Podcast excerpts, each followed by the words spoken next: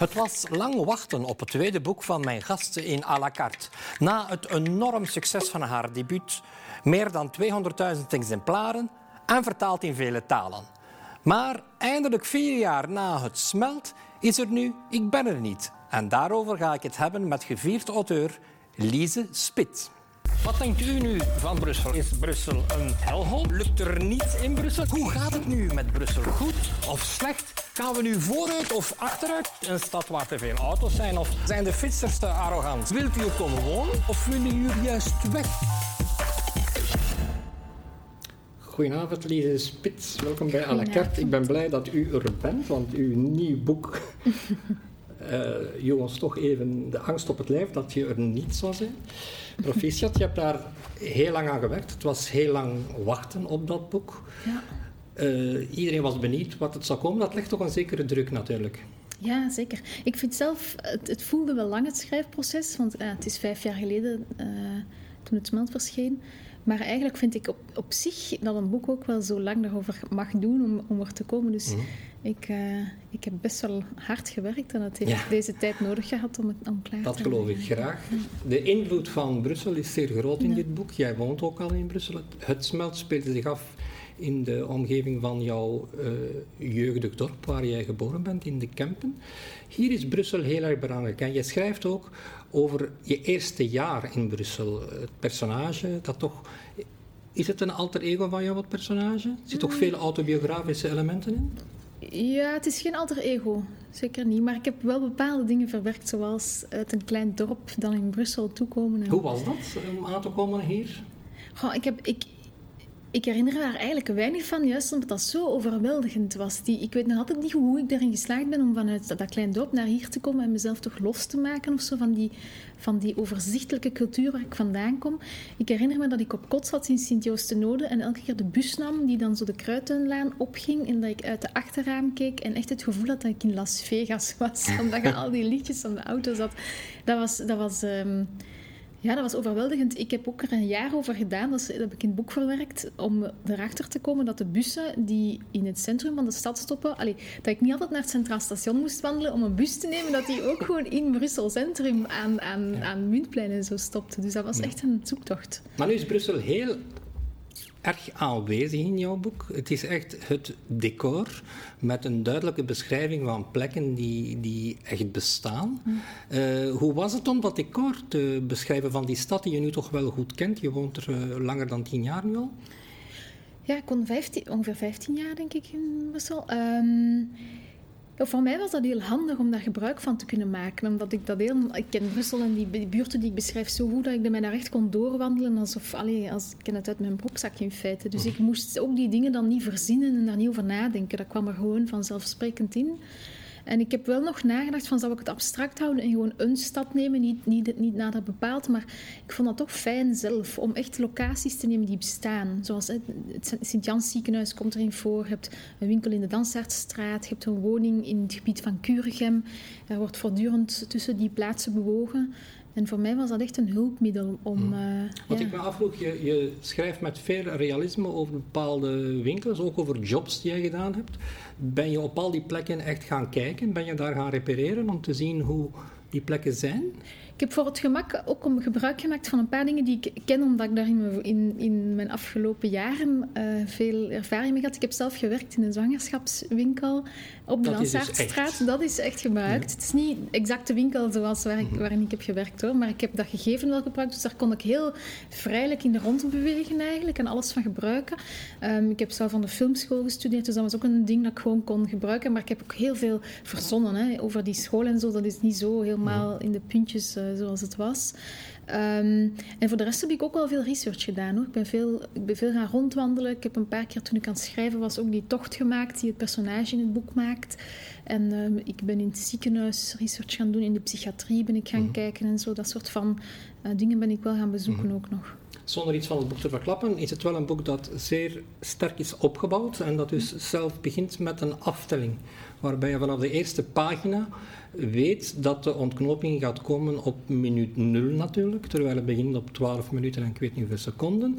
Dus dat, dat is toch wel een zeer filmische um, techniek, die je trouwens ook zelf onthult na een paar pagina's waar je eigenlijk je kaarten op tafel legt en zegt van kijk, in een scenario, en je refereert dan naar Stanley Kubrick, uh, dan zie je uh, wat er, is de kijker medeplichtig, weet hij al wat er gaat gebeuren. Dus uh, was dat van in het begin het idee om zo met die, je speelt met de tijd, je werkt veel met flashbacks, dat, dat deed je ook al in, in je vorige boek.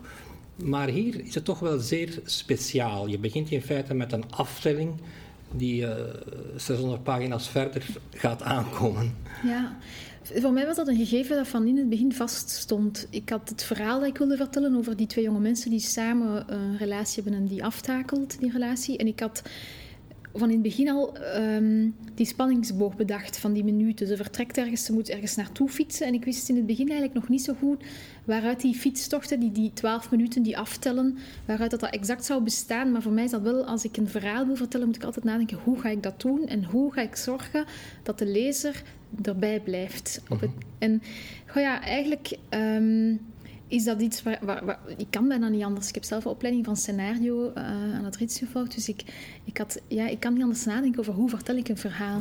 Dus eigenlijk was het bijna makkelijker geweest om gewoon het liefdesverhaal van die twee mensen op te schrijven van begin tot einde. En dat was ook een boek geweest, maar ik ga altijd nadenken hoe ga ik het dan nog zo opschrijven dat de lezer wil blijven verder lezen. En... We zien ook alles door de ogen van het hoofdpersonage. Zij is de enige verteller. Dat is toch wel ook een keuze.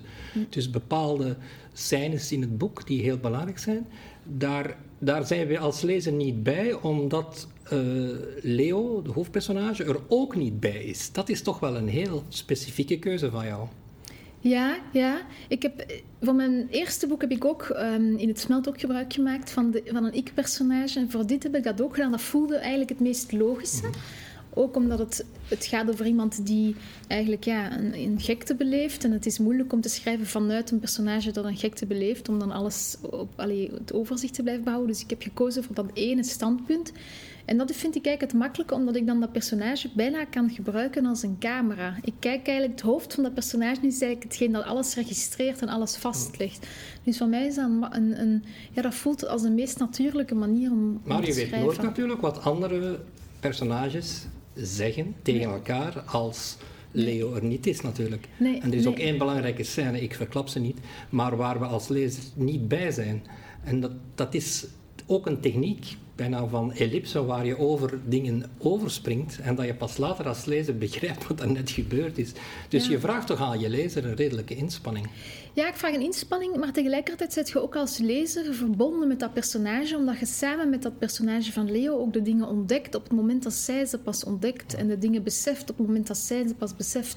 Dus ik, ik denk dat dat... Het heeft zijn voor- en zijn nadelen, denk ik. Je voelt mhm. ook wel... Je bent heel intiem met haar gedachten samen. En je ziet ook wel heel erg in haar ja, in haar lichaam bijna mee vast of zo. Mhm. En, en, alles registrerend. Mhm. Ja. ja, over Brussel nog. Jij spreekt in het begin van je boek over de dorpelingen en de stedelingen. Is dat iets uh, wat jij gevoeld hebt als je hier kwam wonen? Het verschil met waar je vandaan komt? Ja, nog altijd eigenlijk. Ik vind dat ik nog altijd een dorpeling in de stad ben. Ik voel die, die drang naar overzichtelijkheid en naar herkenbaarheid nog altijd. En en in die zin zit er ook de uitdaging voor mij in om in Brussel mij even thuis te voelen of zo.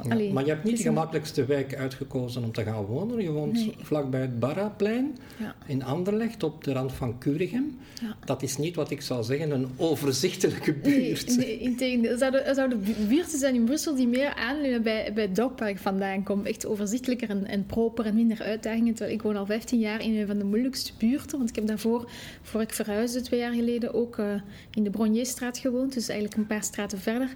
Um, dus ik, ik, ik woon eigenlijk al die tijd al in een zone waar mensen zelf niet per se willen blijven. Dat is echt een zone waar mensen komen in de hoop daarna naar een betere plek te gaan. En ik, ik wil daar heel graag blijven. En wat trekt jou daar in aan in die buurt? Goh, ik denk eigenlijk vooral, dat is misschien een, niet echt een reden, maar de aanwezigheid van een internationaal treinstation. Ik heb geen rijbewijs, ik heb geen wagen, ik doe alles met openbaar vervoer en ik, ik wil eigenlijk zo, zo snel mogelijk op de trein zitten, ook richting Duitsland of Frankrijk, omdat ik daar voor mijn werk vaak heen ga. Mhm. Dus dat is eigenlijk een van de grootste factoren om daar te wonen, om ja. rechtstreeks Maar je durft ook schrijven over wat fout loopt in die buurt. Je hebt een column in De Morgen en ook op Twitter heb je al gesproken over dingen die fout lopen in die, in die buurt. Het is geen gemakkelijke buurt. Nee, het is geen gemakkelijke buurt. Het is ja, veel armoede en die armoede zet mensen ook aan tot ja, soms onsociaal gedrag, laat het zo zeggen. Veel, veel um, afval op straat, onveiligheid. En zeker, moet ik zeggen, het laatste jaar is het wel door corona, eh, voelt je heel erg in, in, in de buurt waar ik woon, voelt je meteen daar de, de gevolgen van. Mhm. In de zin dat mensen soms echt op hun tandvlees zitten en, en ja, op straat trekken. En, ja. het, is, het, is, het is wel Je schreef ook in de krant dat vaak een kleine minderheid is van herreschoppers die de sfeer hm. uh, helemaal verzieken. Ja. Ja, dat klopt. Want wij wonen, allez, ik woon in de Triangel. Je hebt daar een pleintje. Dat zijn misschien... Ja, dat is een, bepaal, een kleine groep. Maar daar wonen heel veel gezinnen. En doordat er een kleine groep op het plein... Een soort van de, de, alles in de doog houdt... Mhm. zijn er gewoon veel gezinnen die zich wel onveiliger voelen. En mhm. ik... ik uh, ja, ik, ik voel wel van dat kan heel snel kantelen. Daar ligt ook de gevoeligheid of zo. Um, en ook omdat die buurt er mensen gaan, vertrekken. Je hebt, je hebt niet die, die vaste bodem van mensen die echt voor hun buurt gaan staan. Die buurt moet het een beetje alleen doen. En dat voel ik soms wel. Zo het, het, het verlangen om, om te verenigen of zo. Is, uh, dat die vereniging is daar wel soms moeilijk. Ook in jouw boek komen daar korte referenties naar. Op een bepaald moment tijdens die uh, helse fietsrit word je nagestaard en nageroepen, vooral door, door mannen in een auto die vulgaire dingen uh, naar jou roepen. Het doet een beetje denken aan Femme de la Rue, ja. de, de, de film van enkele jaren geleden, uh, waar, waar je zag hoe sommige mannen zich gedragen in Brussel. Jij hebt daar ook een duidelijk standpunt over ingenomen.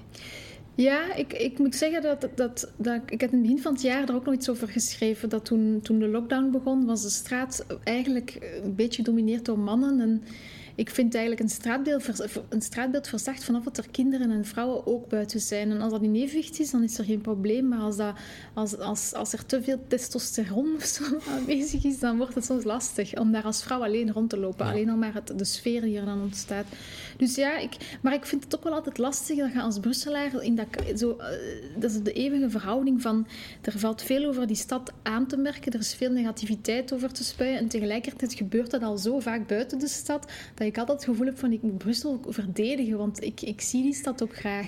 En dat is soms wel een lastig spagaat waar je in zit of zo. Van, Jij probeert um, Brussel zelfs mooier te maken, want ik las dat je een aanvraag had ingediend voor een geveltuintje, ja. maar dat de gemeente daar niet op inging tot jouw spijt. Ja, ja.